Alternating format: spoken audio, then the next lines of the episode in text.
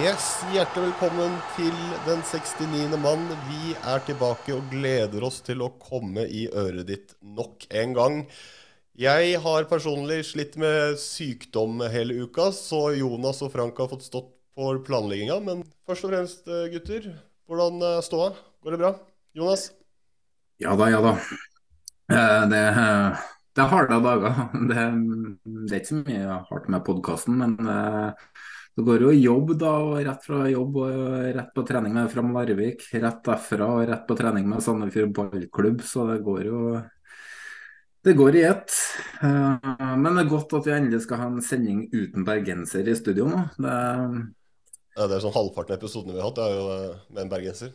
Ja, dæven. Men eh, det har vært, det har vært trivelig, da. Det har det. Ellers har jeg praktisert litt 69 og irritert meg noe jævlig over det forbanna krenkesamfunnet. Hva er det som skjer i landet vårt?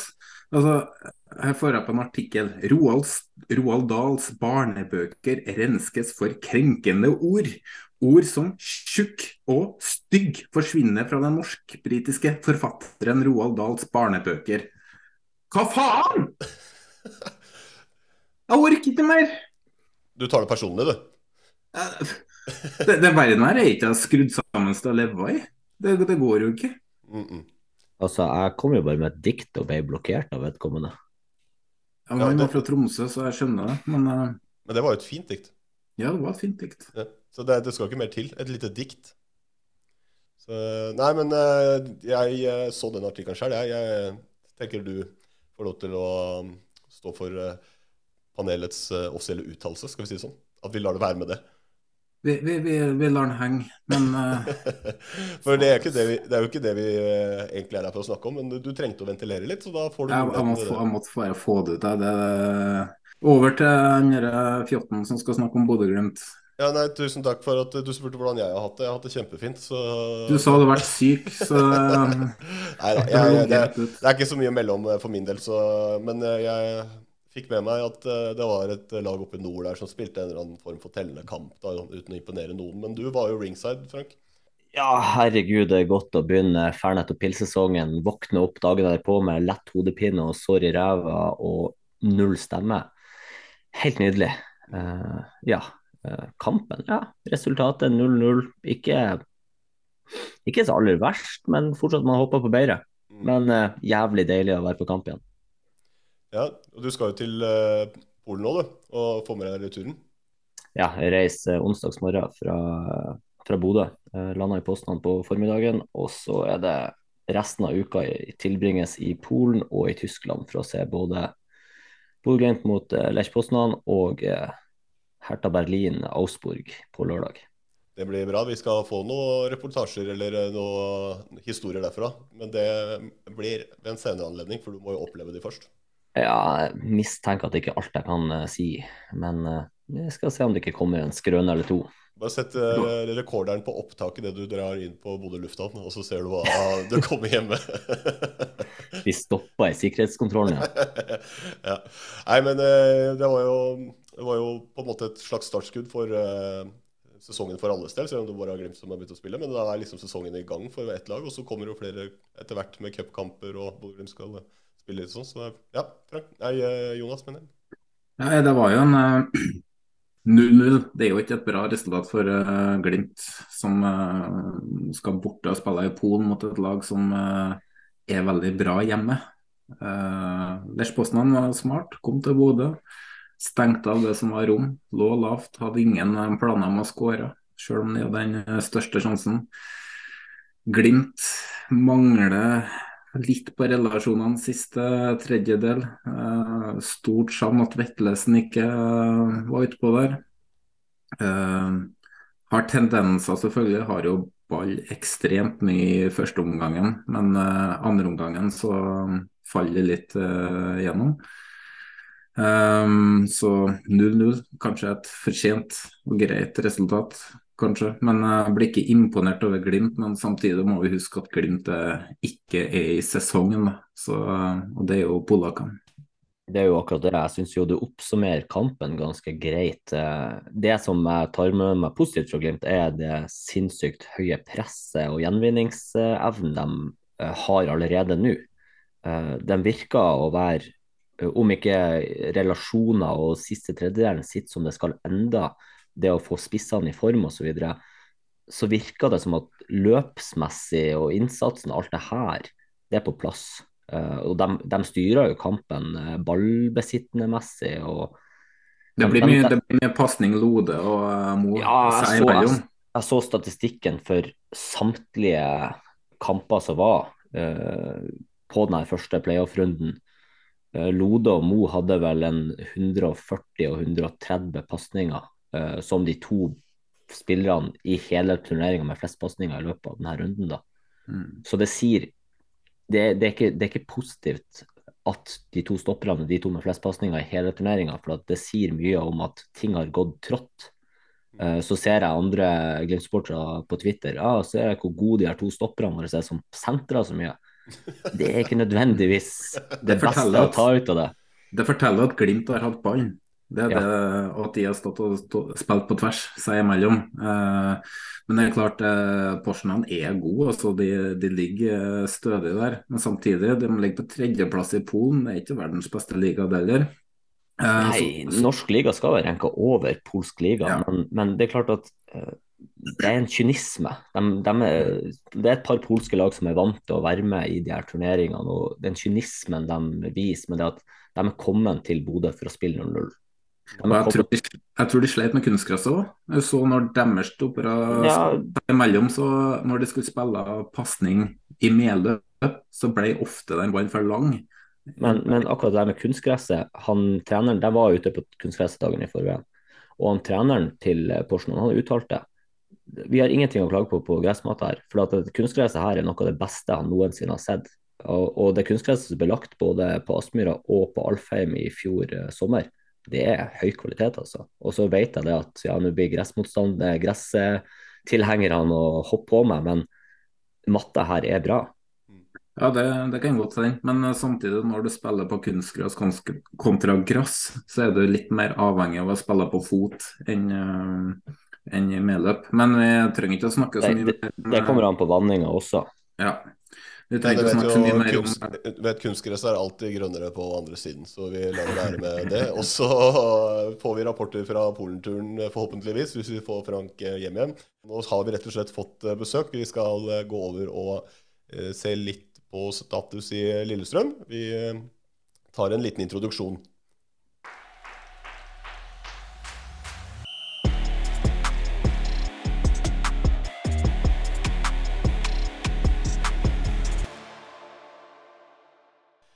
Yes.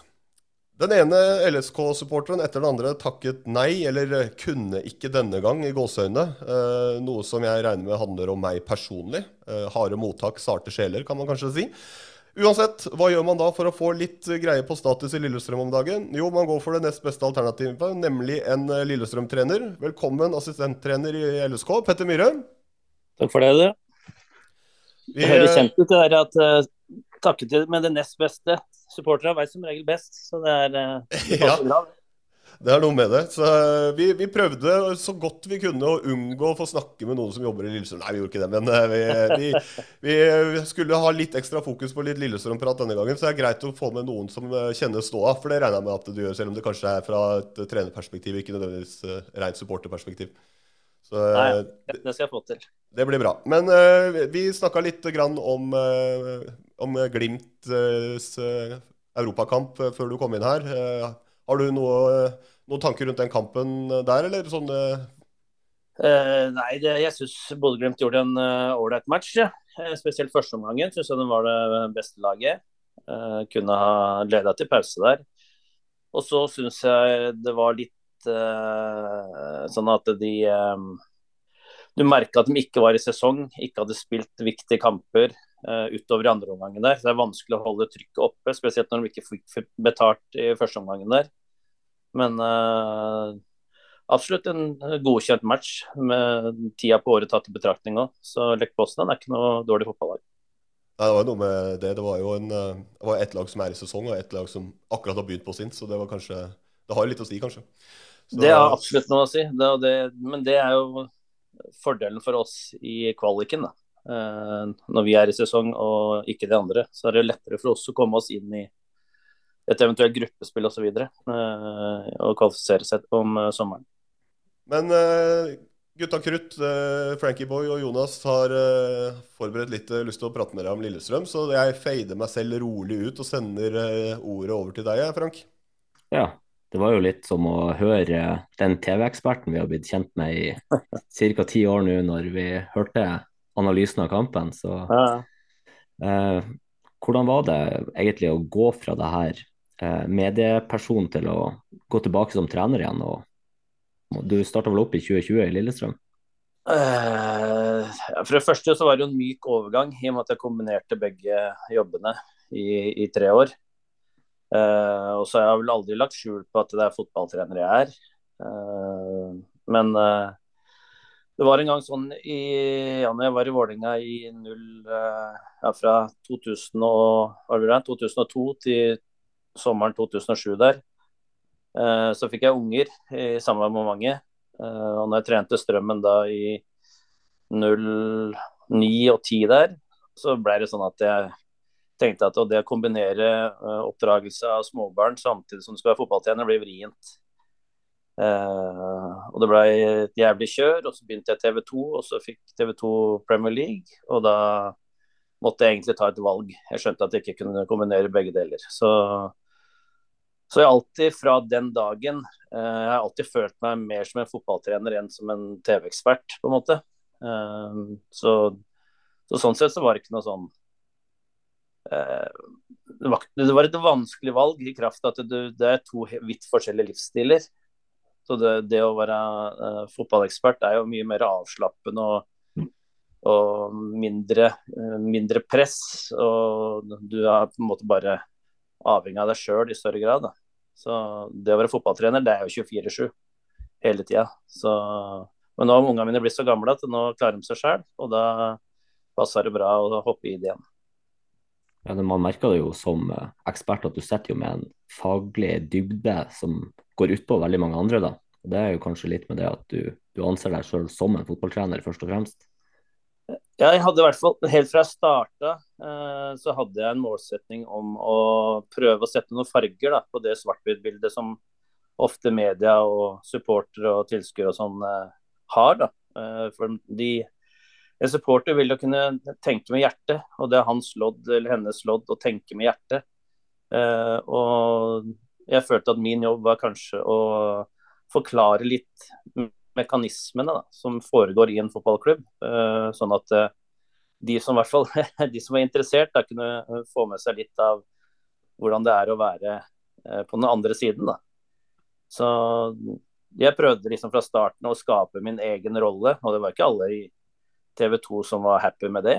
Eh, de ville jo Mange der vil at du skal være mer tabloid, og de skal ha mange hensyn å ta. Du skal ha klikk på hjemmesider, du skal ha sånne mm, små stikk til 21-25 eh, nye sporten, og du skal ha alt mulig i tillegg til det å være fotballkommentator. da. Så, så der var jeg ganske tydelig fra begynnelsen at enten så er jeg med som, som fagmann, på en måte, Eh, Eller så finner dere andre som er flinkere enn meg til å være spissformulert og glad i å være på TV. Da. Jeg var ikke så egentlig veldig opptatt av det. Men eh, jeg tenkte at når jeg først er der, så må jeg gjøre det på min måte. Jeg holdt ut i noen år i hvert fall. Da. Så det, det funka etter hvert. Så jeg føler på en måte at jeg kanskje har vært med å forandre den ekspertrollen hit. Da. Fra å være veldig sånn tabloid eh, til å bli mer Eh, orientert om hva som faktisk rører seg i en fotballklubb. Ja, Det er jo ikke noe tvil om at det er veldig mange måter å løse det her på. da. Vi fikk jo litt input fra Jonas Grøner her for to episoder siden. Mm. Og nevnte jo bl.a. det her eh, i forhold til at uh, han Gauseth gjerne fikk bestilling fra produsent på hva han skulle gjøre for å skape litt engasjement og blest. da. Ja, ja det, heldigvis har ikke vi hatt det sånn i TV 2. da. Uh, der er det på en måte uh, Du står fritt til å mene akkurat hva du vil. Uh, men vi skjønner at to pluss to er fire, vi òg. Og vi skjønner at TV 2 er en bedrift som skal I motsetning f.eks.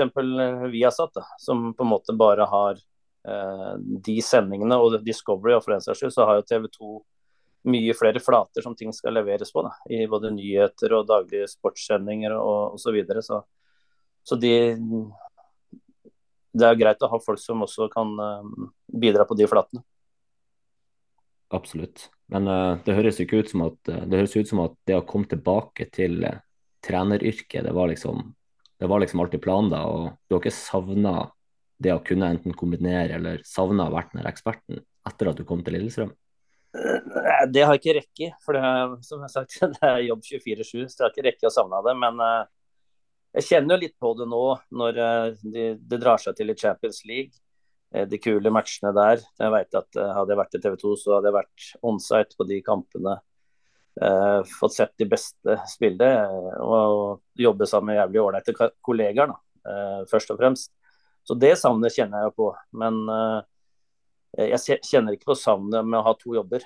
For det, det, hadde jeg ikke hatt tid til eller ork til eller helse til. Så, sånn sett var det et vanskelig valg eh, mellom to livsstiler. Men når jeg først tok det, så er jeg på en måte Da er sånn bygd at da, da, er det det jeg har valgt, og så får jeg gjøre best mulig ut av det.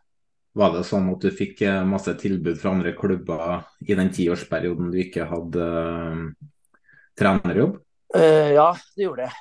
Så det har vært flere ganger jeg har holdt på å gå tilbake igjen til treneryrket. Så Men jeg har valgt TV 2 fordi jeg hadde, hadde det veldig bra der. Og hadde et familieliv som ble veldig bra med at jeg jobba der. Jeg skulle jobbe med fotball, så går jeg helgene uansett. men der kunne jeg styre hvilke helger jeg skulle jobbe, eller OK, nå kan jeg ta meg sommerferie. Hvis det ikke var VM eller EM, så fikk du sommerferie som fotballtrener, så så er det jo styrt av terminlista. da. Mm. Så du må stille opp sånn som i sesongen i år, så har vi sju dager ferie. Vi starta 2.1, og siste kampen er, eh, seriekampen er 2.12.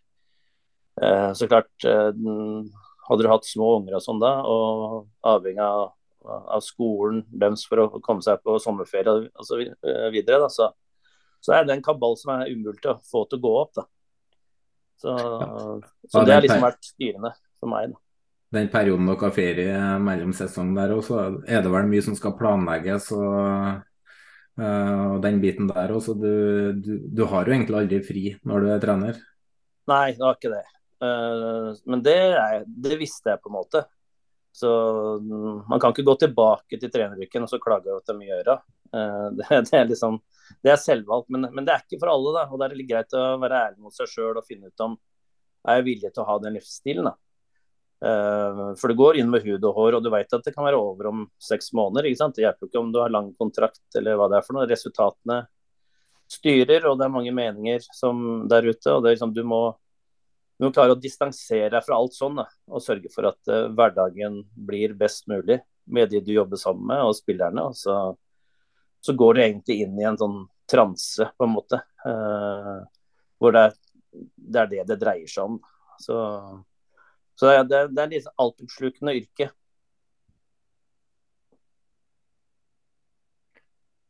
Uh, ja, vi, vi, kan jo peile oss inn på det som på en måte er derfor du er da. Det er jo snakk om Lillestrøm og eh, den reisa dere har vært på nå, og hvordan vi nå ser på laget inn i 2023-sesongen.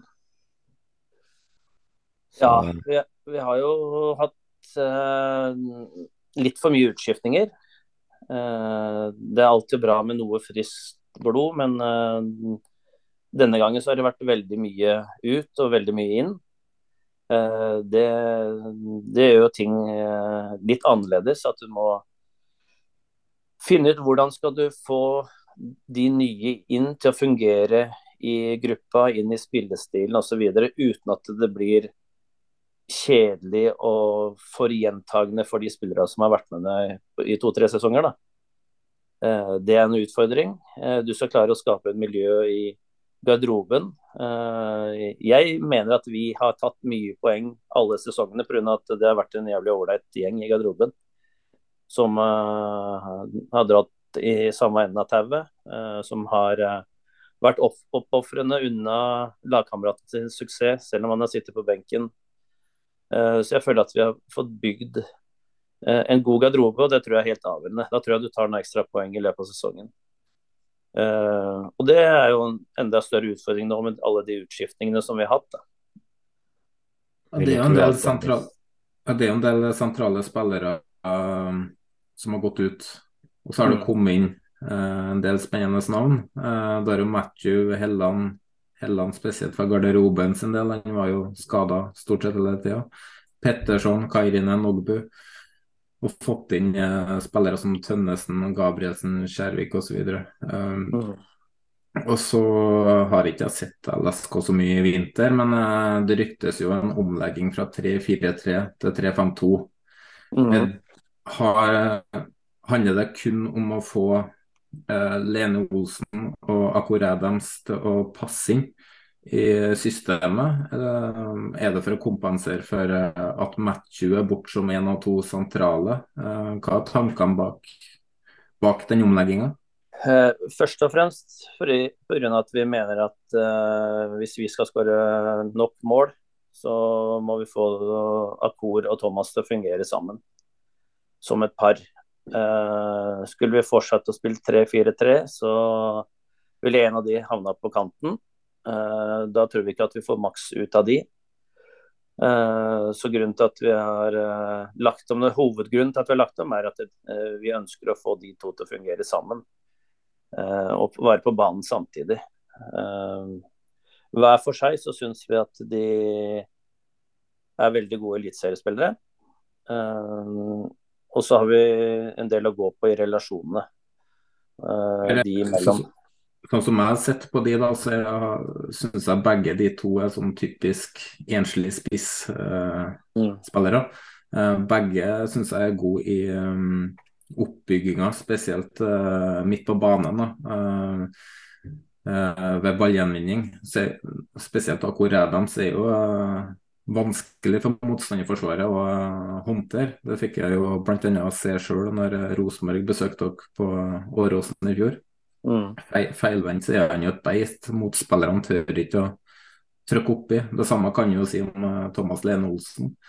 Men har de komplementære ferdigheter nok til å kan utfylle hverandre på topp? Har de uh, den ene som truer bakrom, klarer de å uh, Ja.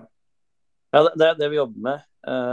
Og vi er jo ganske pragmatiske. Jeg er ikke så opptatt av formasjon og tall osv. Uh, jeg coacher og Geir og coacher på prinsipper. Hvordan er det vi forsvarer oss, hvordan er det vi angriper. Eh, når vi kom, så spilte vi, tok over et lag som vi tenkte at okay, vi kan spille 4-3. Det passer best med det mannskapet vi har nå. Eh, og så la vi om til 3-4-3. Eh, I fjor så spilte vi også 3-5-2 i noen kamper. Vi spilte diamant, serieavslutninga med en backfire mot HamKam. Jeg har om til diamant en del ganger underveis i sesongen. Eh, så eh, akkurat den tallkombinasjonen er vi ikke så opptatt av, men vi er opptatt av hvordan skal vi få Akor og Thomas til å komme oftest mulig i de situasjonene som de er gode, og det er eh, foran mål. og da må vi jobbe med relasjoner, og det, og det er ikke sånn som er, som er gjort i en håndvending. Der kommer vi f.eks. til å savne Matthew og Khan enormt. For de to hadde en ekstremt god link sammen. Som gjorde at selv om vi spilte mot uh, topplagene i Eliteserien, så kunne de gå ut og diktere en hel omgang eller en hel fotballkamp da, når de er på gode dager. Uh, det kommer vi til å savne. Uh, og da er spørsmålet ok, skal vi fortsette å prøve å gjøre det samme da som vi gjorde med de to i laget? Eller skal vi ha en litt annerledes tilnærming? Uh, og da blir det OK, skal vi Er vi kanskje litt mer sånn tut og kjør-lag nå enn vi, enn vi, vi, var i fjor og forrige fjor? Uh, eller skal vi fortsette å bli et lag som blir enda flinkere til å dominere kampene med ball? Det er, det er de sånne avveininger vi tar hele veien. Så, men å få Vi merka jo det etter hvert som vi har begynt å vinne mye fotballkamper, så tok jo motstanderen mye hensyn. Uh, og de la seg på egen halvdel. Uh, det ble å spille mot elleve mann som lå godt inn på egen halvdel, eh, som prøvde å kontre oss i senk. Og klart, Da var ikke vi gode nok i alle kampene relasjonelt til å klare å skape nok. da. Og, og, det jobber vi jo med. For vi, vi håper jo at kampbildet kan bli, bli, sånn i mange kamper neste år òg, at vi dominerer. Men, men som sagt så ønsker vi å komponere laget vårt ut fra de spillertypene som vi har til rådighet, istedenfor å ta en kantspiller som er ekstremt god offensivt da, og si at du skal bli jævla god defensivt. Det, det er ikke sånn vi tenker. Da tenker vi heller at uh, han kantspilleren som er god offensivt, han skal få lov til å være god offensivt.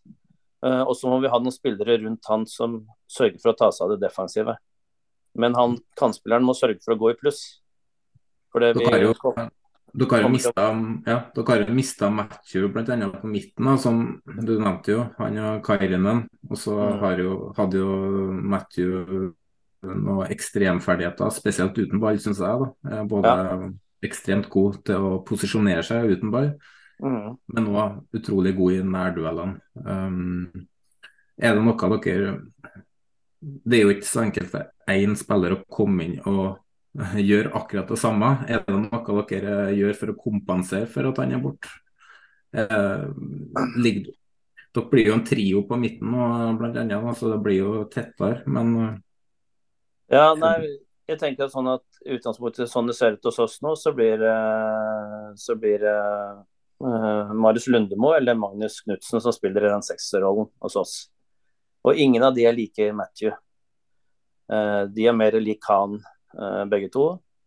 Eh, men så lenge vi spiller med tre midtstoppere, så er jeg ikke noe bekymra for det. Eh, for det er jo litt at man kompenserer med tre midtstoppere for å ha folk som er gode defensivt sentralt i banen. Så, så mm, om vi har en annen type som tar den defensive midtbanerollen nå, det, det, tror jeg går greit. Så lenge vi spiller med en back treer. Spiller med en backfirer, så må vi kanskje ha en annen type der. Mer sånn som Matthew ballvinner-type. Så, så, hvis vi skal hente en, en defensiv midtbanespiller inn hos oss, så, så, er det større sannsynlighet for at han ligner mer på Matthew enn han ligner på Marius og Magnus, da. Som, som vi har fra før. Så litt mer taktikk her. Eh, trebackslinje er jo fortsatt nytt, kan jeg si. da. Det er jo um, det er ikke mer enn en ti år siden det begynte å uh, bli populært i internasjonal fotball.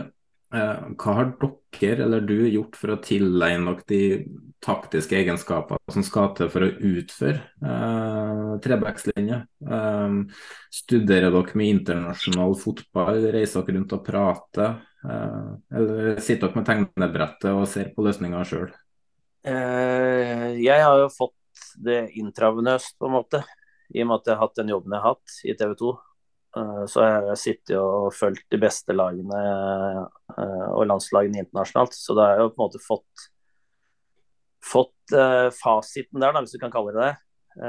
Og så har jo på en måte har vi satt oss ned og, funnet ut ok, hvordan kan vi løse det med de spillertypene vi har.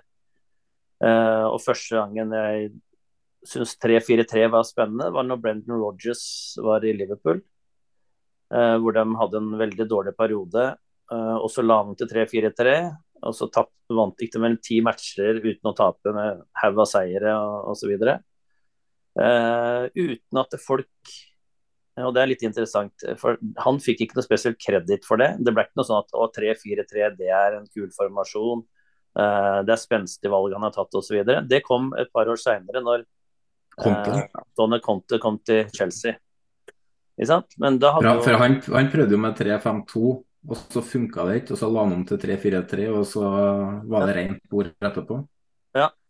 Uh, så, så, allerede fra da, jeg lurer på om det uh, var Nå var han Rogers i Liverpool, jeg husker så dårlig sånne ting, men si at det var Kan det ha vært i 2012-2013 eller noe sånt, eller? Så jeg har alltid syntes det har vært en spennende formasjon. Og litt annerledes. Og jeg jeg har egentlig vært litt sånn atypisk norsk fotball. Jeg har alltid sett utenfor grensene. Uh, aldri vært noe sånn OK, alle har vært veldig opptatt av 4-3-3. Klart Med den suksessen som Drillo og Eggen hadde, så er det jo rart uh, om ikke norsk fotball skulle vært bli veldig prega av det. da. Uh, og at veldig mange ønsker å gå i, i de fotsporene. Men, men, jeg har alltid tenkt, tenkt annerledes. Jeg, har ikke vært så opptatt av tallkombinasjoner. Jeg har vært opptatt av hvilke rom ønsker vi å angripe, hvilke rom ønsker vi å forsvare. Uh, og hvilke spillertyper, spillemateriell har man til rådighet. Da. Uh, så 3-4-3 uh, er jo spennende, men 3-4-3 er også bare en tallkombinasjon. 3-5-2 er en tallkombinasjon. vi og Rosenborg f.eks. løser jo deler av spillet annerledes, ulikt, selv om vi har spilt samme formasjon. Samme med Tromsø, samme med HamKam. Så det er ikke noe sånn at hvis du spiller 3-4-3, eller hvis du spiller 3-5-2, eller hvis du spiller 4-3-3, så, så, spiller du sånn og sånn og sånn. Det er eh, et utgangspunkt ofte du har når du forsvarer deg. Mm, og så er det sånn å coache spillerne på hvilke, uh, hvilke prinsipper vi har når vi forsvarer oss, hvilke prinsipper vi har når vi angriper. Det er det, det er opptatt av. Et, uansett hvilken formasjon vi spiller, da, så håper og tror vi at spillerne tenker de samme tankene, hvis du skjønner. Sånn at, det mm. ikke, sånn at det ikke Hvis vi legger om da, eh, en formasjon, så vil eh, de på sida eller med eller alle si at at det var sjakktrekk hvis vi lykkes, og så er det naivt og dumt hvis vi mislykkes. Og at ting er helt annerledes. Det er ikke rart de taper Lillestrøm nå. Nå driver de å bytte formasjon i hver kamp og sånn. Det, det, har ikke noe med det å gjøre. For vi coacher ikke på den måten. Men det er jo det som er lettest å se fra sida, da. Eh, mm. Så når, når, vi ikke får det til å funke offensivt, så er det eh, veldig lett å si at vi ikke har en plan. Um, men vi, vi, har selvfølgelig en plan. Uh, mens f.eks. måten som uh, ja, Vålerenga-spiller, da. Uh, Fagermo 4-3-3 offensivt er ganske, og Bodø-Glimt òg. Det, det, er ofte en, en angrepsform som de fleste nordmennene er, er oppvokst med. Da. Så det er lettere gjenkjennelse. Og da er det også lettere å si at de har en plan i angrepsspillere. Men alle, alle, lagene har jo det. Men uh, vår er ikke sånn um, kanskje så rigid da, som det mange, mange andre har. 4-3-3-lag er jo eh, eller de som spiller 4-3-3, har jo slitt veldig mot uh, trebackslinje, i hvert fall i, mm. fjor, i fjoråret. Uh, mm. Og så er det ofte at når 3-4-3 eller 3-5-2-lag møter hverandre, så nuller man hverandre litt utpå der. Det blir en uh, litt mindre sonefotball og mer mann-mann, uh, sett utad fra, i hvert fall. Mm. Ja, og så er det jo sånn at det, vi, vi, løser jo annerledes enn det Rosenborg gjør, f.eks. Så det er ikke nødt, nødvendigvis, nødvendigvis uh, nødt til å bli en stillingskrig for det. Eh, men igjen så går det også å prøve å angripe de rommene som motstanderen avgir. Da. Og så prøve å demme opp for de styrkene som motstanderen har. og Det, det er ulikt fra, fra, mannskap til mannskap. Klart uh, Tengstedt for Rosenborg i fjor, da. Uh, hadde ikke han kommet inn, ok, hvordan hadde Rosenborg sett ut da? Uh, og da hadde vi kanskje måttet tatt helt andre hensyn enn det, enn det lagene gjorde nå når, når han spilte der. da. Det er litt artig når du nevner Tengstedt nå, for eh, jeg sa det hele vårsesongen. At det Rosenborg virkelig sleit med, var jo at de hadde ikke en eneste spiller som trua bakrommet. Eller eh, rom generelt. Alle skulle ha ball i beina, eh, helst. Uh, og så fikk inn den spilletypen, så fikk vi en helt annen dynamikk i angrepsspillet med en gang. Mm. Uh, så ser vi litt tilbake nå på Rosenborg igjen i vinter. Slitt akkurat med det samme. De har ingen som, uh, som tar de løpene uten uh, ball og truer rommene, spesielt bak forsvaret. Så um, ja. Frank? Men det, men der er tilbake til spørsmålet, den prater jeg meg sikkert bort. Men det, vi har i hvert fall to spisser som kan true bakrom, og det er helt avgjørende for oss. Alle lag, etter min mening, må ha masse bakromstrussel. Mm. og så vil både noen spillere og andre si at ja, det er ikke bakrom. Jo, det er alltid bakrom. Det er bare å se på Manchester City. Det. Om det er ti meter bakrom, så er det nok. Så lenge løpet, timingen av løpet er bra nok, pasningen er bra nok vekta, så det så, er det, det. så vi, vi, jobber mye med det. Og heldigvis for oss er både Thomas og Akor hurtige, sterke, har evnen til å starte i bakrom. Så, så det blir noe vi må prøve å få utnytta. Så er ikke alltid hurtighet er det, og, og bakrom er synonymt heller. Det viktigste er at du faktisk starter. Ja, jo... at du timer løpet. Det er vanskelig å demme opp uh, uansett. Men, uh, du trenger ikke å, som du sier, du trenger ikke å være verdens hurtigste for, uh, så lenge timing er bra nok. Mm. Yes, du har jo snakka litt om plan her nå, at tall, tallkombinasjoner er gjerne bare en kombinasjon. hvis man ser litt på hva som har forsvunnet, hva som er kommet inn, hvordan mm. ligger egentlig dere an per nå kontra der dere var i 2022? Er dere i rute for å være et topplag til å kjempe om medaljene i 2023? Eh, ja, det er interessant. Eh, alle lag, eh, alle rundt klubbene mener jo at man skal bli bedre hvert år. Nå har vi for Lillesund sin del da, satt poeng, eller klubbrekord når det gjelder antall poeng i, etter at man la om til 16 lag. Første året hvor vi tok 49 poeng, og i fjor var det 53 eller noe sånt, tror jeg. jeg på. Så, så, så, det er jo ikke normalen. Uh, de siste, eller de åra med 16-lagsserie før, før, vi kom, så var gjennomsnittet 37 poeng, tror jeg, for Lillestrøm.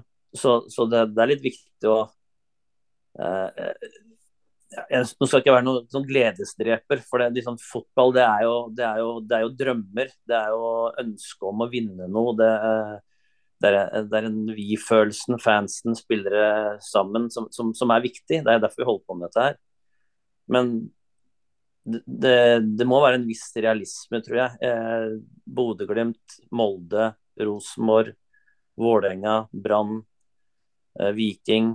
Eh, det er klubber med vesentlig mer ressurser enn det vi har. Eh, så må vi være jævla gode på det vi kan være gode på, og så må vi kanskje overprestere litt. Og så må de underprestere. Og det, det, Sånn har det vært egentlig de to sesongene vi har vært oppe nå. At vi har gjort det litt bedre enn forventa, og noen av de andre klubbene har gjort det litt dårligere enn forventa. Eh, og det håper vi skjer igjen, selvfølgelig. Men hva det holder til, sånn, det, det, er umulig å si nå. for Nå har ikke stallene satt seg heller.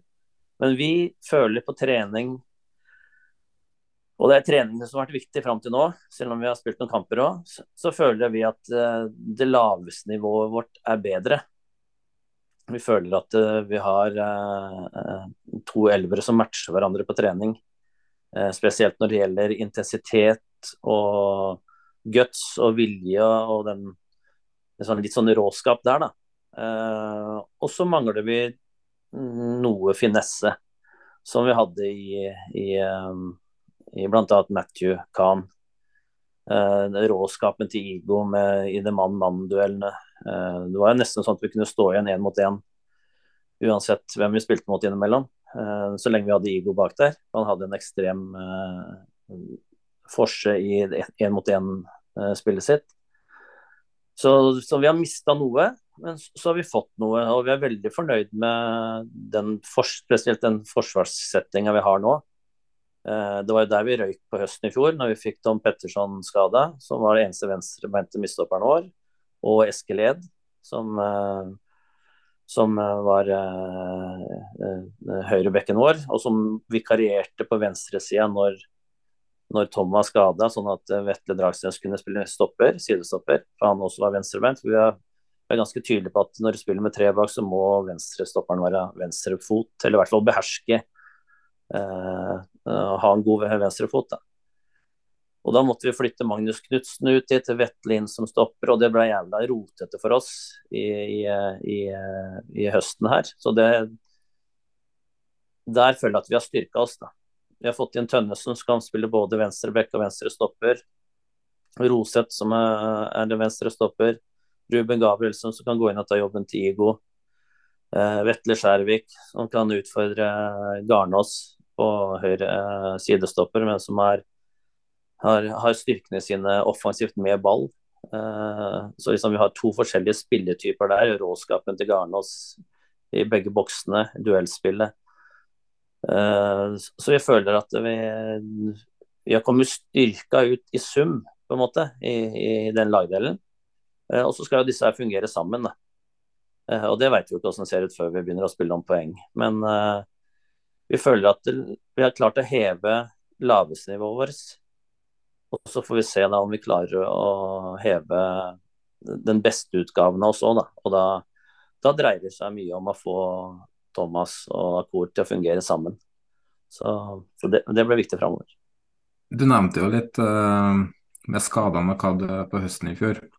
Jeg kikka litt gjennom uh, sesongen deres.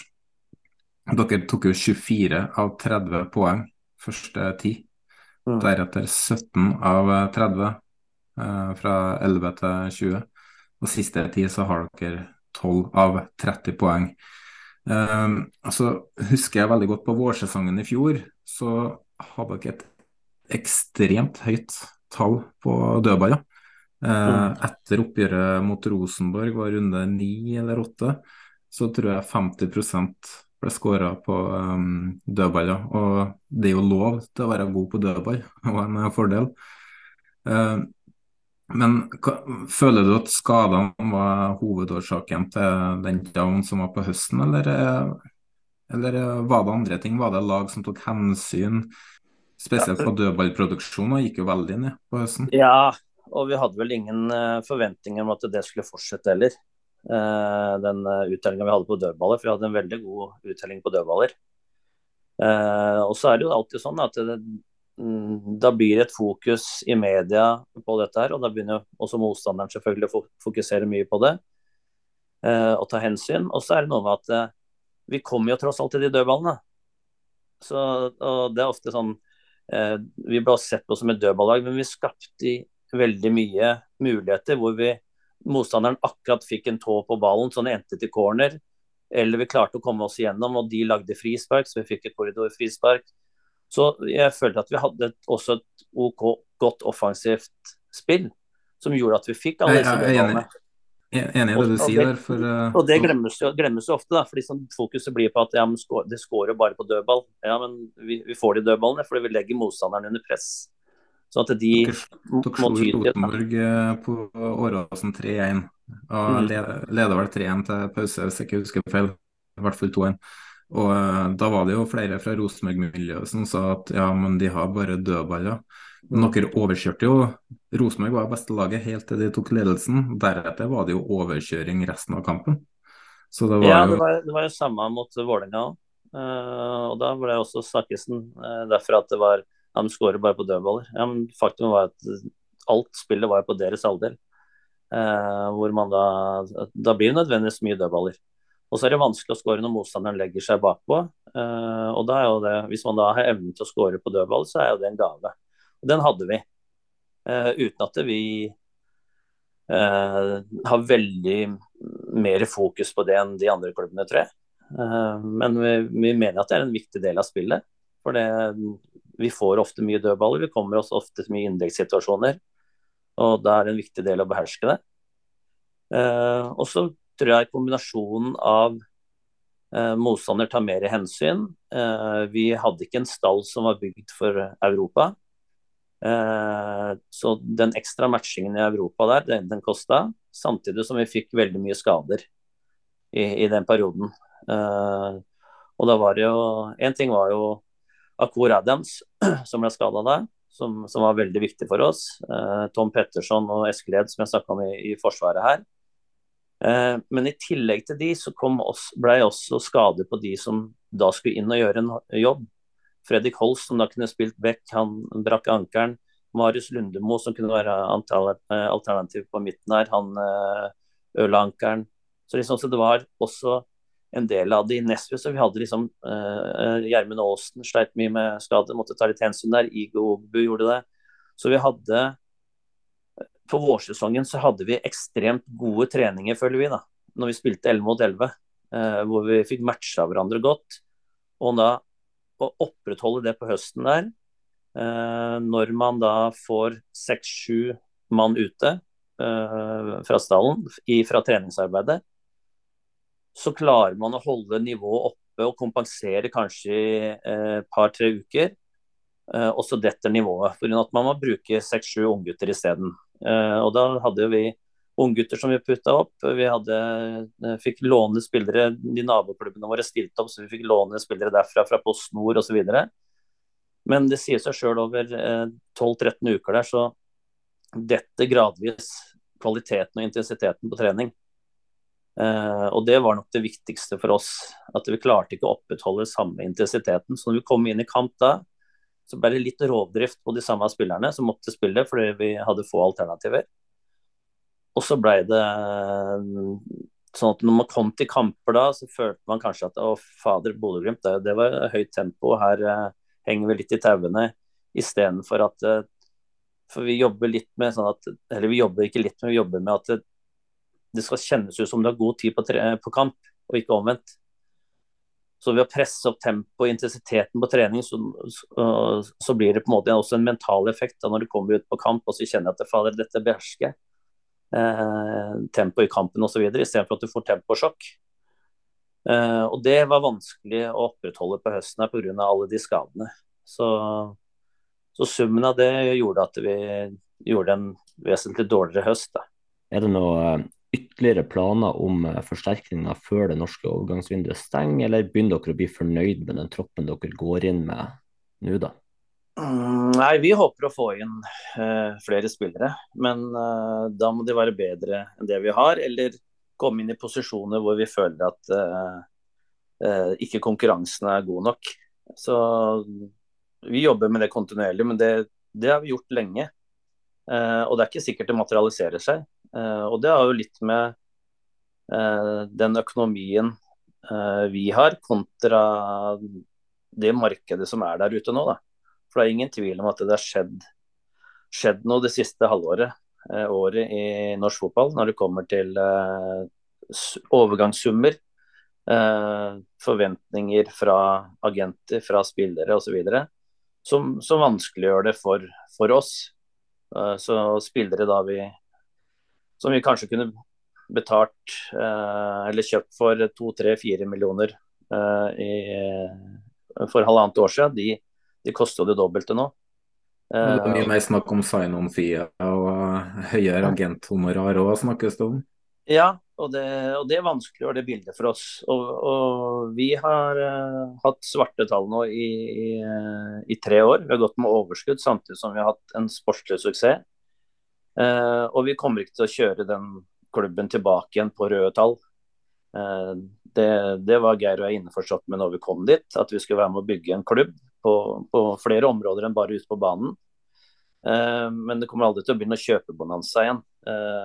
sånn som man bruker penger man ikke, ikke har dekning for. så, så finner vi de rette spillerne til de summene vi har å gå i markedet med.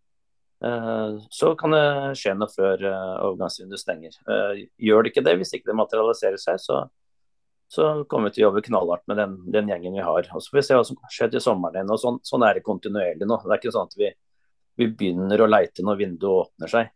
Så slutter vi når vinduet stenger. Det er en kontinuerlig prosess.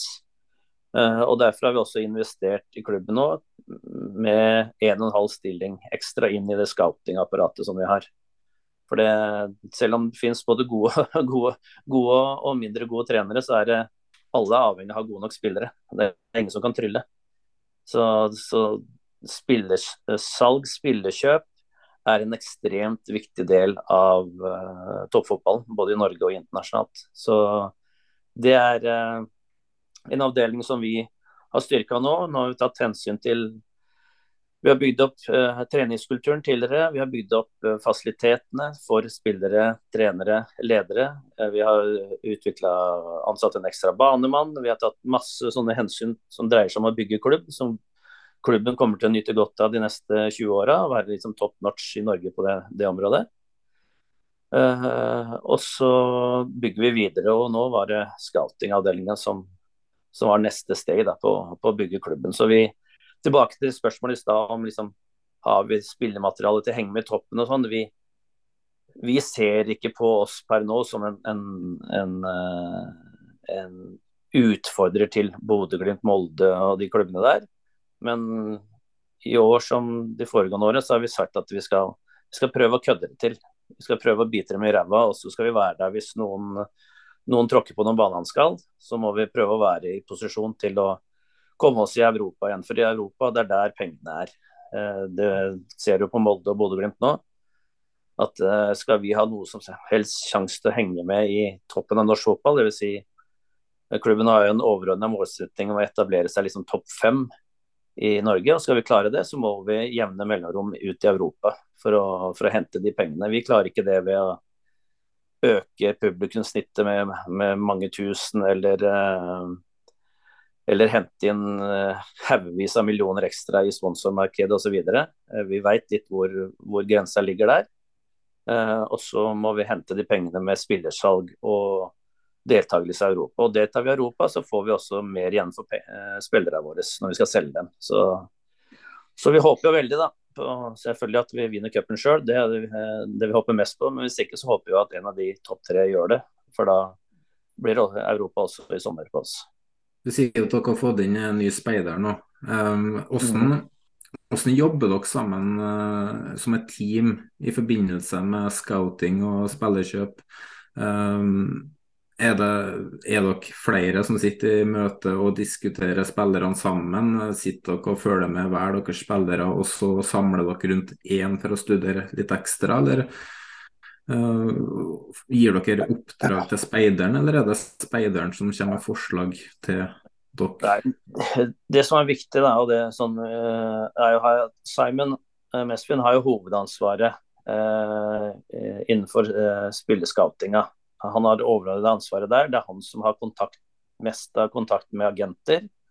Det er han som uh, uh, får alle henvendelsene hen, uh, sender vi videre til han, hvor han sjekker ut ting. Og hvis det, han mener det dukker opp interessante ting, så tar han det videre med Geir og meg.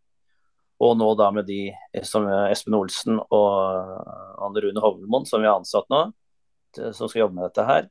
Eh, og da setter vi oss og diskuterer. Eh, og så er jo de gutta der eh, innom kontoret jevnlig, og vi sitter og diskuterer OK, dette er, dette er spilletroppen per nå.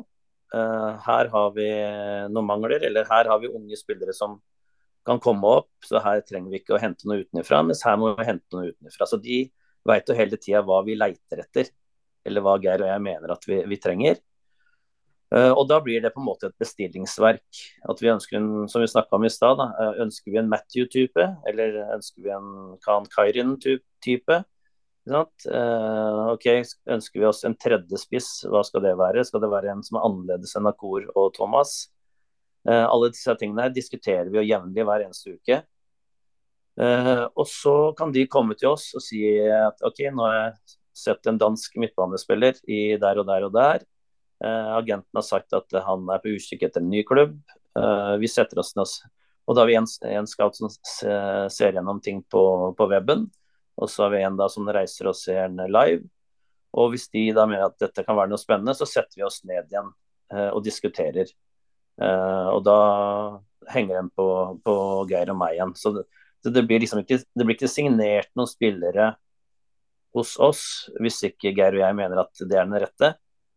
Men det er eh, ofte at det kan være de andre, og da med Simon i spissen, som, som, som kommer med vedkommende til oss og sier at uh, vi har funnet, funnet en her, uh, hva tenker dere? så det er vel sånn i grove trekk sånn vi jobber på, på spillerrekrutteringa.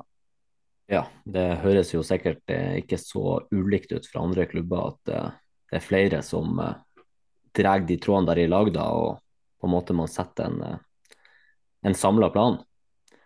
Ja. Eh, du, nevnte litt grann her uh, om uh, å lage litt helvete og sånn for de andre topplagene. Sånn helt avslutningsvis, hva vil være en god sesong for Lillestrøm i 2023? Jeg synes det er vanskelig å svare på det nå, for jeg vet ikke hvordan vi ser ut og hvordan laget ser ut når vi starter serien. Eh, og så er det jo dette her med klarer vi å holde gjengen skadefri. Eh, kontra hvis vi får like mye skader som vi fikk på høsten. Det vil jo påvirke.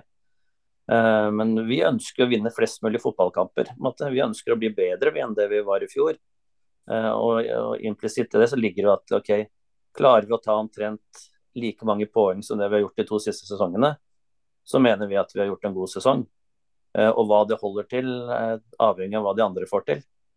Så det er ikke noe sånn å si at OK, for, for, å si det enkelt, da. For, for, to sesonger siden så følte vi at vi vant en fjerdeplass. Uh, mens i fjor så følte vi at vi tapte en medalje. Og det hadde med hvordan sesongen utvikla seg. Uh, men før begge de to sesongene så hadde vi ikke noen forventninger om å kjempe om medalje. Uh, sånn når vi, vi så hvilke, hvor vi var i hierarkiet sammenligna med de andre klubbene.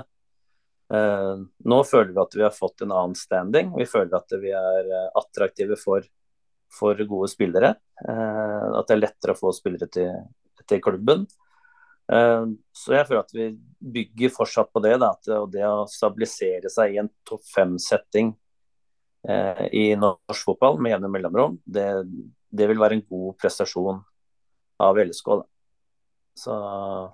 Men igjen, Uh, vi skal ikke være noen partypooper her, liksom. Det er, uh, det er lov å drømme uh, uten å miste huet, da. Jeg syns jo det er deilig å se at norsk fotball Det virker som at nivået øker nesten for hvert eneste år som går. Det... Absolutt. Og det, og det, er vanskelige ting òg, men det er jo det som er gøy. Det er mye morsommere å, å være en del av et lokomotiv som, som går på høygir, enn et produkt som Produkt er feil ord, men, eh, men en, en, liga som, eh, som eh, folk ikke har noe interesse for, og det blir nedsnakka osv. Jeg, jeg syns jo norsk fotball holder et bra nivå.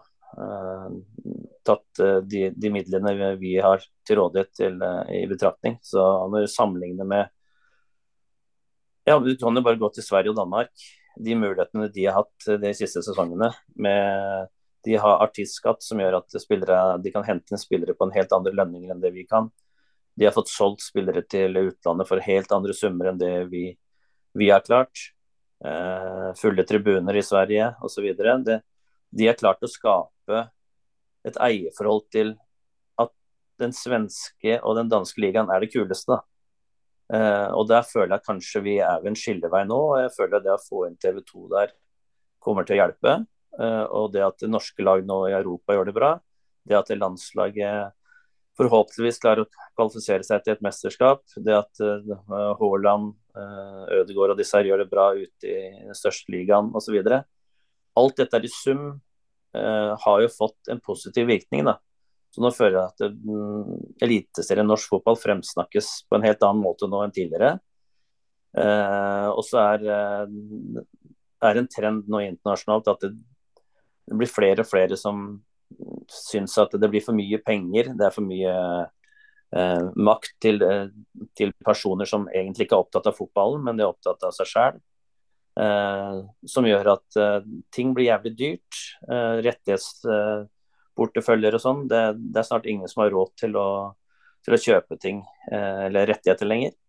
og Det går igjen utover forbrukeren, og forbrukeren finner andre måter å se dette her på. og så så står vi ved en skillevei nå hvor jeg tror kanskje at uh, det er en gave til norsk fotball. Da, og en kjempemulighet til å bygge opp norsk fotball og interessen rundt norsk fotball til det han var ja, på midten av 2000-tallet, begynnelsen av 2000-tallet. Hvor det var uh, fulle tribuner og det var uh, gode spillere som kom hjem fra utlandet for å spille her osv. Så, videre. så et, ja, det er mange piler nå som eh, peker riktig vei, da.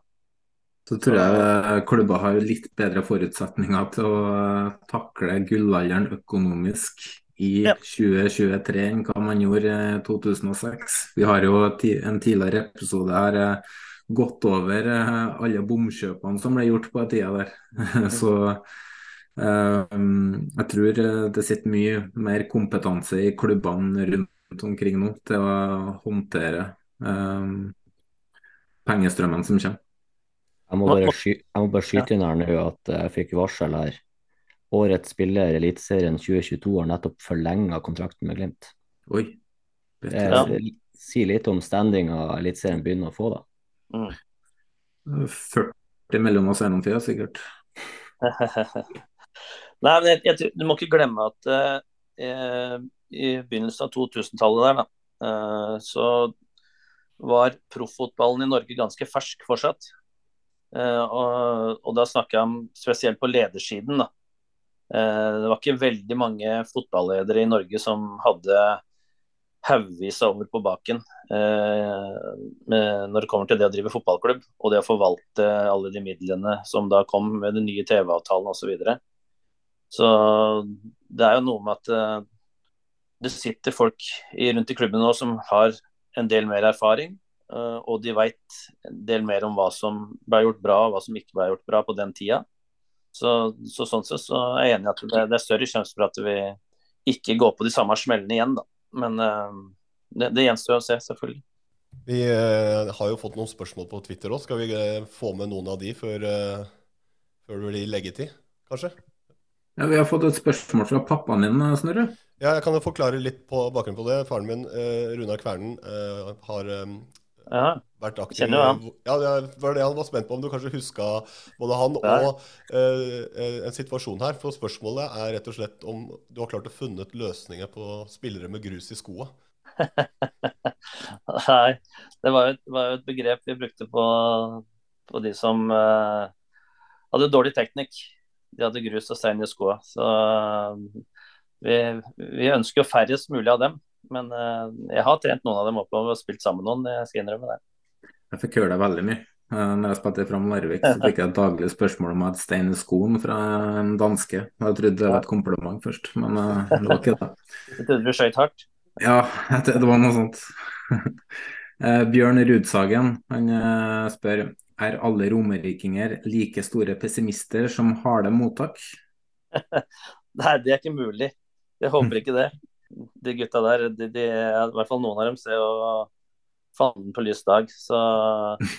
Men det, har, det, er noe med at det, det, det er litt romrikingen. da. Det er litt sånn at du skal ikke tro du er noe. og Folk er litt sinte og, og ja, Det går jo på engasjement, mye av det. Men det, er jo veldig mye av det som, som uh, ikke er veldig rasjonelt. da. Uh, det føles så styrt? Ja, men for oss som er vokst opp her, da, vi, vi er jo vant til det. på en måte. Uh, det har alltid vært sånn. Så, så, for oss er det ikke noe, noe big deal. Men det er jo det er, Jeg har merka en endring. for, for jeg har jo, selv om jeg har jobba i TV 2 i mange år, så har jeg jo i og med at jeg bor på Lørenskog, så, så, prater jeg jo med mye folk som, som holder med klubbene rundt her. og det er også Lillestrøm. og det, den derre der himmel og helvete-greiene. Eh, det, det, er enten-eller, da. Det er veldig svart-hvitt. Og når det er bra, så er det så bra at det, du vet nesten ikke hvordan du skal gjøre det. Og når det er dårlig, så er det så dårlig at det er ikke visst at vi stiller opp engang. Det er noe man aldri kan forholde seg til, som spiller og trener og leder osv. Eh, det, det må på en måte være supportere og de rundt som, som, eh, som driver med de greiene der. Men Eh, jeg føler at det er en bedring på det. Og det, det som var mest slitsomt, var den antimaninga som de drev med hele tida. Det jeg prata med en del av de supporterne om. At det, liksom, det var Nei, dette går ikke bra. Og hvis du sa det gikk bra, da jinxa du. Det var liksom Det blei nesten en sannhet til slutt. Så når Geir og jeg begynte, så var det jo sånn til og med folk som jobba innad i klubben. Det var jo sånn at eh, nei, borte mot Rosenborg, det går ikke, det har vi aldri vunnet. Og nei, ikke der. Og så sto vi plutselig i Rosenborg både hjemme og borte det ene året her. Og sier at ja, hva skal dere si neste gang nå, da? Når vi kommer til Lerkendal, er det umulig da òg, eller er eller er det sånn at ja, vi slo dem i fjor, så da må vi slå dem nå òg? Det, det, blir jo sånne ting hele tida, da. Så, men det er litt av supportermiljøet på Romerike. Så, så, det tror jeg du aldri får gjort noe med. Det er en del av DNA-et. Men uh, det skaper engasjement, da, det skaper diskusjoner, og det, det er viktig. For det, hvis det ikke er noe interesse og ikke noe engasjement, så er det jo dritkjedelig. Det merka vi jo når, uh, når, det var korona, når det var tomme tribuner. Så jeg driver ikke og hører så mye supporterpodkaster uh, av andre lag enn Rosenborg. da, Men Harde mottak har faktisk hørt en del episoder av. Utrolig god podkast. Men spesielt artig etter eh, Rosenborg eh, LSK i fjor. Og Da kunne jeg ha døpt om eh, podkasten fra Harde mottak til Harde skudd, også. for da det kom mye øst og vest. Ja, Nei, jeg, jeg ble fortalt også etter Molde hjemme. Når, vi, Kan Karin tryner og tar en kort corner på overtid når vi har flytta opp alt av spillere, og dem Molde kontrer inn 1-0 der. Det var jo også noen spillere som aldri skulle få lov til å gå inn på Åråsen eller ta på seg drakta og sånn. Så det er jo ja, det er tatt ut av alle proporsjoner, da. Så det er liksom Men eh, det er liksom ikke noe vi, kan bry oss noe om. Det er eh, herlig med engasjement, og så tror jeg ikke Når du får tenkt om, så tror jeg ikke det, det, er det de egentlig mener. Men man skal jo, som supporter så skal man jo skape debatt òg, da. Og det, ja. det, er, så det, det dukka opp noe i feeden min fra, fra dere i panelet her òg. Så dere er jo lette på avtrekkeren, dere òg. Ja, vi, vi skyter for å provosere, vi. Så det er artig, da. Artig, ja. og Av og til så legger man ut en tweet bare for å se hvordan reaksjonen blir. Ja. Det er gøy. Så, men det, det, er en del av gamet. Jeg elsker jo rivalisering. Eh, jeg syns det er dritkult. Og så må vi bare passe på at det ikke at det ikke blir sånn personfokus, og at uh, spillere og trenere er idioter og, og, og møkkafolk, og de har ikke peiling. og liksom det, er, eh, det er en tendens, syns jeg, at det, det, blir en mangel på respekt. Eh, det er eh, det, det, kjenner jeg litt på. Det er unge gutter jeg tjener. Jeg ser de i garderoben. Det, er liksom, det sitter 17-18-19-20-åringer, 25-åringer der som, som får masse drit i sosiale medier. De får tekstmeldinger, er, de får tilrop. Det er liksom Det er ikke Ja, det er litt som Geir Bakke sier, da. Det er, liksom, det er vår tids gladiatorer. Eh, men heldigvis så er, eh, det ikke noe løver og, og, økser og ting som skal drepes og sånn. Men det er jo Du står jo i, i gapestokken på en måte, da. Eh, hele veien. Og du, det tar liksom ikke slutt. Før så går det 20 år tilbake i tid, så var det sånn det var spillebørs i VG og Dagbladet og Aftenposten etter kampen, eller lokalavisa. Og så var det, var det, nesten ingenting før man skulle spille matchen på søndag. Mens nå er det sånn i sosiale medier så går det hele tida, da. Og da ofte, ofte langt over grensa, syns jeg, da, hvor, hvor, hvor, dette er med å være misfornøyd med ting. Eh, når man taper fotballkamper og, og at man blir forbanna og sånne ting. Ja, men jeg skal love at det er ingen som blir mer forbanna og skuffa enn trenere, spillere, som er en del av det. For det går på stoltheten din. Eh, faen, jeg, jeg, ligger våken jeg når vi taper fotballkamper. Eh, og grubler på hva vi kunne gjort annerledes, eller hva vi burde gjort bedre. Eller. Og, og, og det så liksom Når det blir sånn at uh, nei, trenere det er sånn og sånn, de har ikke peiling, Altså, ja, de burde korte cornere, det er helt håpløst. Liksom. Eh, da liksom blir det litt sånn der eh, ja, Da blir det bare at vi melder oss ut av debatten, da. For da liksom da jeg, eh, jeg tror hadde dere eller andre supportere vært med et lag i, i, en måned og sett vært en flue på veggen der i måned, så tror jeg liksom ekstremt mye av det debattene dreier seg om, bare hadde blitt kvært. For man har en helt annen innsikt. jeg hadde nå Tony Ardinos i klubben vår var nede og prata med Arteta. Fikk følge han i tre dager. Og det er jo et apparat der som kommer før hver eneste kamp, så kommer det med 72 sider om motstanderen. 72 sider. Eh, og så blir det mening om ok, hva er viktigst av de her, her og så får spillere 12 sider om motstanderen. Og, og, det er litt sånn at alle de tankene som eh, dukker opp Eh, på puben, på sosiale medier, på tribunen osv. De har jo som regel både spillere og trenere diskutert 100 ganger. da. Så det er, ikke, det er ikke noe nytt som kommer opp. Sånn, ja, fader klarte ikke å forsvare seg mot den corneren, det gjorde jo Viking sist òg. Jo, selvfølgelig, vi har, vi har snakka om den corneren. Men det glipper der og da. For liksom, det er ikke roboter. Det er ikke sånn at hvis du sier ting én gang, så fungerer det. Så liksom, Det er jo dynamikken i spillet. Så, så, jeg er litt opptatt av at uh, engasjement, rivalisering, helt nydelig. Forstern banter, det er uh, herlig. Og at man viser skuffelse og glede og sånn, det er herregud, hvis ikke så er det ikke noe poeng å være supporter. Men litt sånn der Vær varsom-plakat for hva man utsetter spesielt de spillere for. Som er unge gutter som er oppofrende, som har, uh, har ofra ekstremt mye for å være der de er nå. da. Uh, du kan tenke deg hvor mange spillere det er i hver årgang uh, som har prøvd å bli gode fotballspillere. Prøvd å nå Eliteserien og Obos-ligaen. så vet du at det kanskje er 15 spillere i hver årgang da, som etablerer seg i, i Eliteserien. Sånn, generasjonen født 2000, da, som nå er, uh, blir 23 år. Hvor mange fotballspillere i Norge er det da mange tusen som har prøvd å komme dit hvor de er nå? Og De har tross alt greid det. Og det er ikke for at de er så jævla ræva, eller for at de gir F, eller sant? Det, er, er tvert imot. Så, så, det er litt greit å ha det i bakhuet når man, uh, når man viser misnøyen sin. om at dette, Det er tross alt uh, unge gutter som, som lever og ånder for dette her, og prøver å gjøre sitt beste. Og så er det ikke alltid det beste holder, og så kan ting se blodfattig ut og tafatt ut og uten plan og alt mulig når det går dårlig. For det er jo lett å finne feil. Men uh, jeg tror det er greit å ha det i bakhuet når man uh, spesielt legger ut ting i sosiale medier, for det forsvinner aldri. Én ting er en kommentar som blir slengt uh, i løpet av kampen fra sida, men det som skrives på nettet, det blir liggende der til evig tid. og det, det får disse gutta her med seg, selv om vi ønsker at det ikke skal være noe særlig på sosiale medier. Ja, altså Spillere, i hvert fall Twitter, der burde de jo holdt seg unna. Men jeg vet at uh, spesielt Rosenborg-spillerne har jo muta det som er av Rosenborg-fans, for å ikke få med seg det som faktisk blir skrevet. For, uh, og, og det, tror jeg, det, tror jeg, er lurt. Men, men, jeg husker jeg gjorde jo når jeg trente Vålerenga, uh, så leste ikke jeg aviser eller noen ting. Uh, var ikke på sosiale medier eller noe. Men så merker man jo på praten til de man møter så skjønner man jo hva tinga dreier seg om.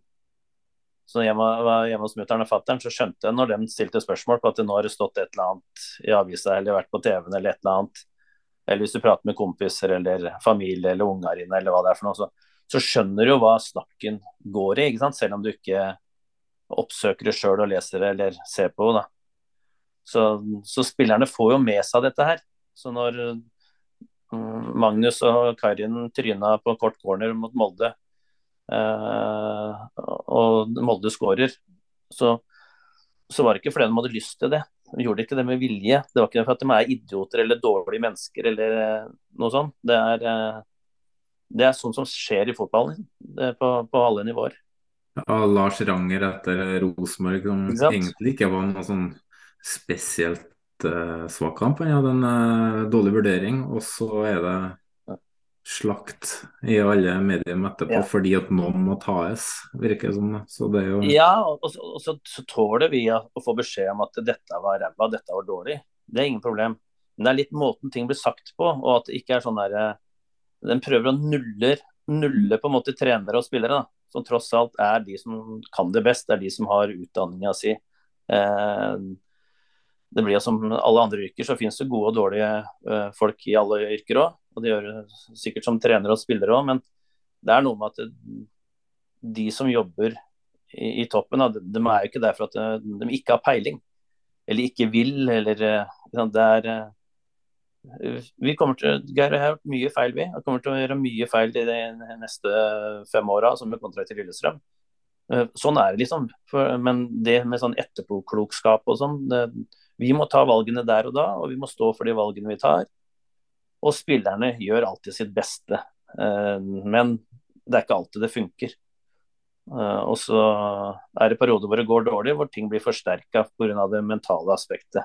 Man blir bekymra, og da ser man handlingslamma ut, og da må du blø for drakta, ikke sant. Da kommer jo den. Så, så jeg tror det er en liten sånn vær varsom-plakat på hvordan man omtaler disse spillerne her tror jeg Jeg har ikke noe tro på at det blir noen endring, men jeg sier det likevel. Nei, ingen tvil om at vi alle kan tenke oss én eh, gang ekstra om før vi poster noe på sosiale plattformer. Spesielt du, Frank. Herregud. Nei, skal vi gå videre til neste spørsmål? Litt eh, lystigere setting. Det kommer et spørsmål fra han Olai Årdal, han er vel Sogndal-supporter. Ta, ta, den på dialekt nå, kom igjen hvor mye gleder han seg til cupkamp på campus? Hvordan er det å spille cupkamp midt i oppkjøringa? Det ble bedre utover, Frank. Starta skikkelig dårlig, men det ble bedre på slutten. Nei, det er, det er spesielt uh, uh, Det som er spesielt med å få cupen her, er jo at uh, etter at vi har spilt forhåpentligvis både fjerde runde og kvartfinale i cupen, eller hvis man da skulle ryke de lagene som ryker i fjerde runde, så er det jo lenge til seriestart. Eh, og det er spesielt, for du må jo på en måte toppe eh, formen til den første obligatoriske kampen. Eh, og du veit hva som ligger i potten i cupen der. Det er en cupfinale, vinne den, få Europa osv. Så, videre. så så det som blir spesielt med det, er at det er noen av oss som er i den settinga, og som da må tenke annerledes inn mot de kampene, og som må tenke annerledes etter de kampene. For skal vi da Da er det tilbake til preseason igjen, da. Mens uh, veldig mange lag nå som ikke er med videre, de, de kan jo tenke preseason helt fram til 10. april. Det er, det er 10. april som gjelder. Så, så det er annerledes. Uh, så hadde, de serie, hadde seriestart vært uh, helga etter at cupkampene spilles, så ville jeg sett på det som en fordel. For da er du i matchform. Uh, nå uh, så syns jeg ikke det er noen fordel, for det, det, er vanskeligere å, å, å, trikse og mikse med. Da. Men uten at det, det, er noe big deal. Vi er glad for at vi er videre i cupen. Vi gleder oss til å møte Sogndal. Og vi håper at uh, vi skal spille en kvartfinale òg før, før, seriestart. Jeg tenkte jo som så med Bodø-Glimt nå, for um, jeg sliter jo med å holde med Bodø-Glimt til Europa. Og så sa jeg før uh, sist kamp at uh, jeg håper det vinner, fordi uh, to seire nå, så får vi to lag til Champions League-kvalik. Der er førsteplassen er sikra Europa League. Um, men når kampen begynte, så, så satt jeg bantes når, når Porsgrunn bomma på åpent mål. Men jeg tenkte sånn så at det er en fordel for de som skal konkurrere med Bodø-Glimt òg, at de faktisk går videre i Europa League, fordi det, det fucker jo opp oppkjøringa litt. For du skal Går de videre, da, så møter de kanskje et storlag i, på bortebane, og så skal spillerne motivere seg til å spille borte mot Sandefjord etterpå. Eh, vi så jo, De sleit jo litt i fjor med det, med to seire på første fem. og eh, Du skal være tøff i nøtta for å klare å omstille deg mentalt til å eh, Eh, gå fra de kampene og spille eliteseriefotball etterpå. Det gjorde jo Rosenborg til tider på 90-tallet òg. Mm. Ja, men samtidig så ser du hvordan Bodø-Glimt mobiliserer nå. da, Med å ha minimum dobbel dekning på alle plasser. Eh, som eh, nettopp er jo tufta mot at eh, de kan nesten stille en helt annen elver i eh, den cupkampen kontra det de gjør i, i Europa. Rotering er en kunst, det òg. Du skal jo mestre ja, det. Og, og det, jo, det, er jo eh, kombinasjoner eller relasjoner som kanskje forsvinner, så det spørs jo hvordan de roterer òg, for så vidt. Ja, ja, helt klart. Men tilbake der, tenker på å klare å motivere seg. Det går jo på at okay, de som ikke har spilt i Europa, de har ikke noe problem med å motivere seg, for de er jo kjempehappy med å få spilt en obligatorisk kamp. Men, men alle, sider, alle tider har jo, uh, ting har jo plusser og minuser. Og du mister jo relasjoner hvis du rullerer ofte. Eh, har du en kjempegod stall hvor det eh, sitter folk på benken eller en gang ikke er med i troppen, som mener at de burde ha spilt, så kan det skape misnøye i en garderobe. Eh, så det er mange ting som skal håndteres der òg, for at du skal få full uttelling. Og ofte så er min erfaring at det eneste som hjelper til slutt, er å vinne nok fotballkamper. Eh, for så fort du begynner å spille uavgjort når du ikke burde ha gjort det, eller du taper kamper og sånn, så, så, gir jo det de som ikke starter kampene, en mulighet til å være misfornøyd. Da. Eh, og en legitim uh, mulighet til å si at uh, fader, jeg burde spilt isteden. Vi taper jo kamper. Dette er for dårlig. Så, så det, og det slipper du unna med en, så lenge du vinner.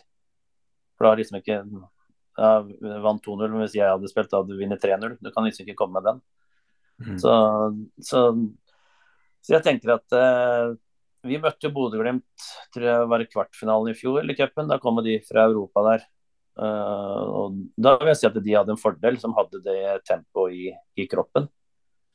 Uh, men uh, som sagt, når de hadde Europa da, og så hadde cupen, og så var det litt pause, og så var det seriestart igjen der, det, det er vanskelig å holde tunga rett i munnen. da. Pluss, mm. du må på en måte toppe, eller toppe formen flere ganger. Eh, det er utfordringa med cupen på, på, vinteren der. Spørsmål fra Anders Hole. Eh, korte den ned litt. Eh, men Ogbu, var han like god på trening som i kamp? Og hvor langt tror du han kan uh, nå? Jeg er spent på hvor langt han kan nå. Jeg håper han når langt, i og med at vi har så mye prosenter ved videresalg her. altså at han er en fantastisk gutt. Han, hva, er pros hva er prosenten på? Kan jeg avsløre det? Jeg vet. Det, det, det du ringe Simon nå. Jeg har ikke full oversikt over det. Nei, spillere, Spissa våre fikk å bryne seg på Igo på trening eh, og den råskapen hans. og Det, det mener jeg at gir eh, en gevinst i andre enden også. Eh, fordi du blir god til det du gjør. Og når de da møtte stoppere i, kamper som ikke hadde den råskapen én mot én, så ville jo da angrepsspillerne våre ha en fordel av å bryne seg på han hele, hele uka. Så det er klart at det var en gevinst både at han hadde den forsten én mot én, og så ga det de angrepsspillerne våre en ekstra boost da, de, de gangene de klarte å, å, gjøre noe med det. Men uh, Igo har ekstremferdigheter, uh, spesielt uten ball. Uh, og så må han forbedre med ball, tror jeg, for at han skal komme seg til de virkelig store klubbene. Men det er ingen tvil om at råmaterialet der er ekstremt bra mentaliteten hans er ekstremt bra. Og en fantastisk gutt som, som, vi gjerne skulle hatt i, i, Lillestrøm lenger, men som vi visste at var hos oss på lånt tid. Så, så vi unner han uh, den muligheten han har fått nå, og så håper vi at det, at det bare er et springbrett videre også. Eh, fotballhipster spør deg hvor realistisk er det for Lillestrøm å ta seriegull innen tre år, og hva skal til for å klare det helt store? Det er vanskelig å si hvordan ting ser ut om to år og om tre år. Eh, men det er klart, eh, hvis det skal være noe realisme i det hele tatt, så må vi ha en helt annen økonomi enn det vi har nå. Eh, vi er ikke i nærheten av å kunne matche Rosenborg, Bodø-Glimt, Molde, Brann uh, Vålerenga, Viking, de klubbene der på lønninger bl.a. Ei heller overgangssummer. Vi har hatt mange spillere som har ønska seg til oss og sagt at de kunne tenkt seg å spille her, men hvor vi ikke har vært i nærheten av å komme i mål på, på, på lønninger og overgangssummer osv. Så, videre. så Så det er nok det viktigste. som må på plass. Argument, mange argumenterer mot det med økonomi, men når eh, Glimt slo alle rekorder i 2020, så hadde jo ikke de eh, noen superlønninger og en økonomi å snakke om de heller. Men, så det er jo, så, det er mulig. Ja, men da konkurrerte ikke de mot uh, superklubber med god økonomi heller. Nei, men uh, de slo jo alle rekorder igjen. Det, det, er jo ingen ja, ja. som kommer til å nå de poengsummene der igjen. Men da var det ingen Nei, men da, det, da, hadde man ikke klubber i Norge som hadde de ressursene som det Molde eh, Bodø-Glimt og de klubbene har nå. Så, så, så greia er jo at eh, avstanden med, økonomisk nå er jo større enn noen gang. Og det vanskeliggjør dette her. Og, og, det tar ingenting vekk fra den prestasjonen som, som Bodø-Glimt da gjorde. De gjorde jo ekstremt mye riktig. Og de har jo spilt seg til de midlene her og, og, fortjent hver krone av det de har gjort. Men settinga i norsk fotball var jo annerledes da enn den er nå nettopp pga. at Bodø-Glimt og Molde de har gjort det så bra i Europa. At en del norske klubber nå har fått salg, spillersalg for 100 millioner. Det kompliserer jo bildet for oss som ikke har de midlene. Og da er det jo en, en stor mulighet for at avstanden blir større. For det. Eh, de beste klubbene økonomisk beste klubbene nå, de kan kjøpe på en helt annen hylle da. nå enn det de kunne for bare to, tre, fire år siden. Og det gjør at ting blir vanskeligere nå å passere de klubbene. Men så er det også ting som vi må finne ut av hva vi kan bli best på. Uh, og det jobber vi med. Så, så vi, vi, bruker veldig lite tid og energi på at, uh, hva de andre klubbene gjør. For vi må bare ha fokus på hva vi kan bli best på. Vi. så det, det, jobber vi steinhardt med. Og, og hva det vil holde til om ett år, om to år, om tre år, det er umulig å si. For det hadde noen spurt meg i det året vi rykka opp, da, hvordan 2023-sesongen ville se ut i kraft av eh, eh, spillersalg, eh, økonomi osv., så, videre, så hadde jeg aldri tippa at det skulle se sånn ut som det ser nå. Hadde aldri, hvis noen hadde sagt at det, det, det, er tre klubber som kommer til å selge for 100 millioner, så hadde jeg sagt at det er bare budsjett. NFF hadde jo en målsetning ned på en sum som alle lo av, og nå har vi allerede passert den summen. Ja. Det var noe at de skulle selge for 300 mill. eller noe sånt. Ja, så, så, det jo, men det er ingen som kunne forutse dette her. og Derfor er det veldig vanskelig å forutse om vi har sjanse til å vinne gull i løpet av tre år. Selvfølgelig, Så lenge vi er i Eliteserien og deltar, så har vi sjansen. Men at det er noe stor realisme i det, det, det er ikke. Uten at det skal bli noe bremsekloss for oss, da, eller noe unnskyldning. Vi, vi kommer bare til å prøve å gjøre Lillestrøm så, så gode som mulig. Og så får vi se hva det holder til. Siste spørsmål her fra Jørn Brunstrøm. Eh, hva er LSKs trenerteams offisielle standpunkt på føde i Oslo? må spillerne føde i Oslo, alle konene, gravide koner må oppholde seg i Oslo eller omheng? Er det, samme, er det sånn det er?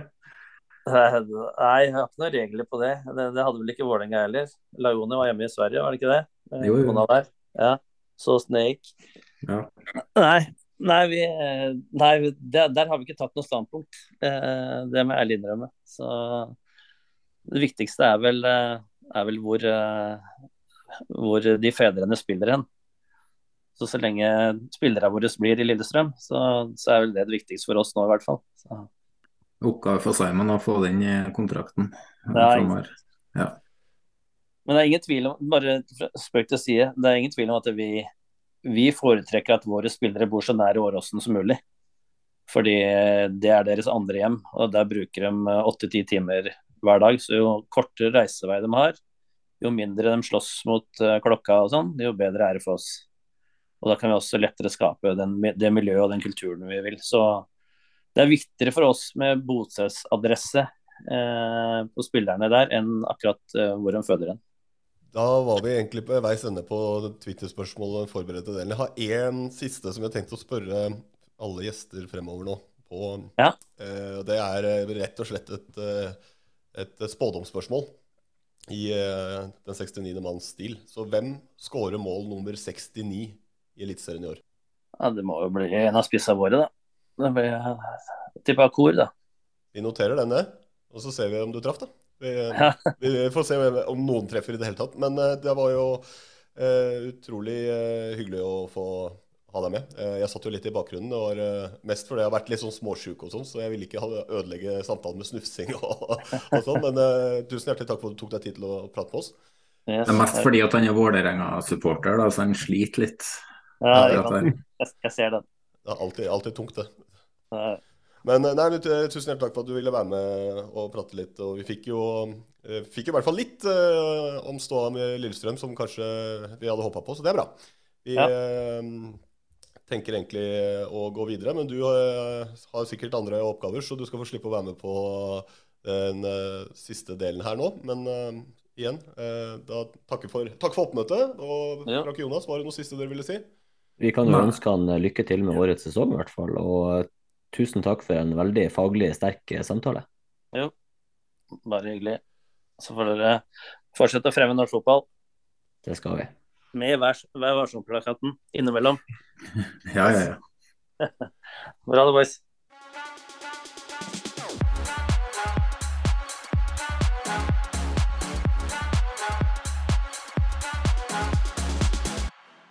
Vi må videre. Før vi går på avslutning og avslutter for i dag, så tenkte vi bare snakke kort om hva som skjer neste episode. Vi får besøk av nok en gjest.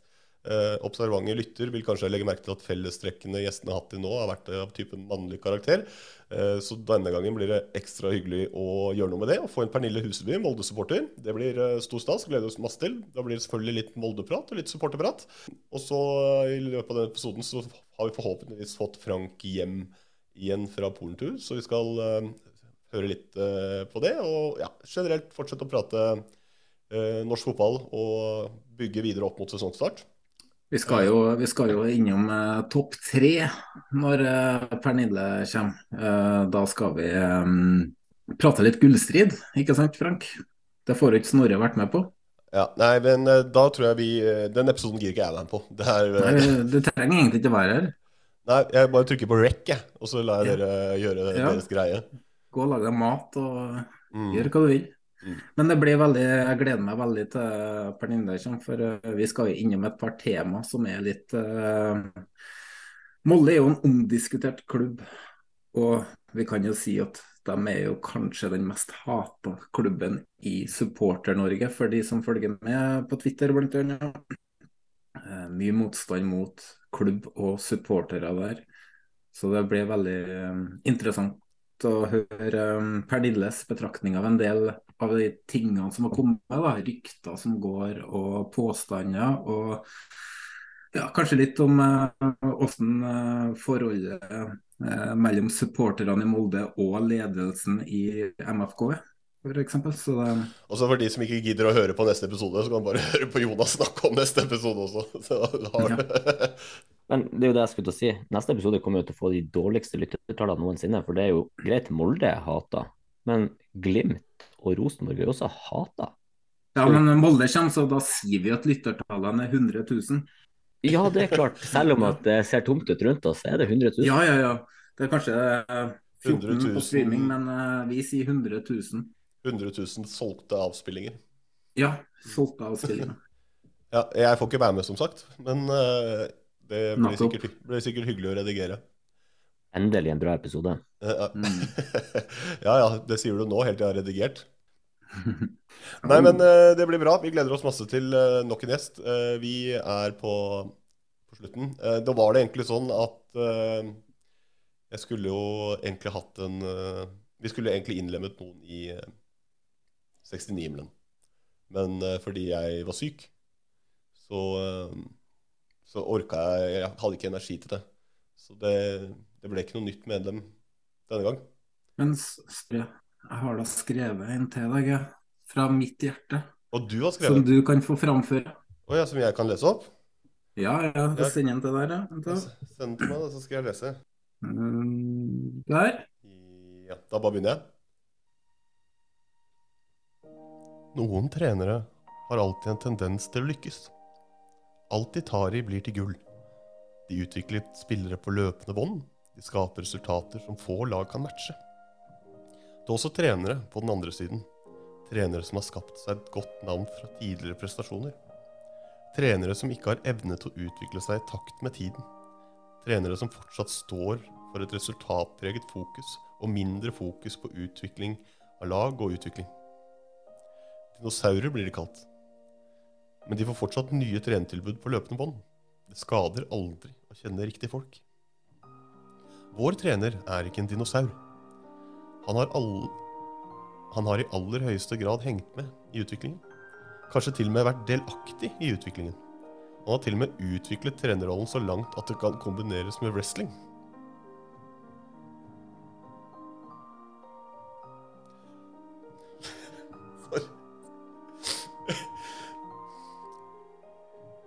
Fokus. Fokus er det som kanskje kjennetegner vår mann mest, sammen med utvikling. Taktiske bytter derimot? Nei. Der kommer han ofte til kort. Kanskje har han selv innsett det samme. Kanskje har han mistet all tro på egne taktiske vurderinger. Kanskje har han begynt å tro på det overnaturlige. Det overnaturlige i form av 69-himmelen. Selv om det er verdens mest naturlige ting. Når de taktiske vurderingene gang på gang svikter underveis i kamp, hvorfor ikke bare kjøre et trippelbytte i det 69. minutt og håpe på at åndene gjør jobben for deg og for laget? Denne treneren gjorde nettopp dette, men du må lære deg å kjenne 69-himmelen før du tukler med den. 69-himmelen er ingen koeffisientsupporter. Derfor gikk det til helvete. Byttene ga ingen effekt, men du skal ha for forsøket. Og det respekterer gudene. Guder som Kasper Høeg, Kristoffer Ødmarksbakken, William Danielsen. Derfor blir du innlemmet i himmelen vår, for vi oppfordrer til et nytt forsøk. Kanskje er gudene på din side neste gang. Vi ønsker deg velkommen til 69-himmelen, Kjetil MMA Knutsen.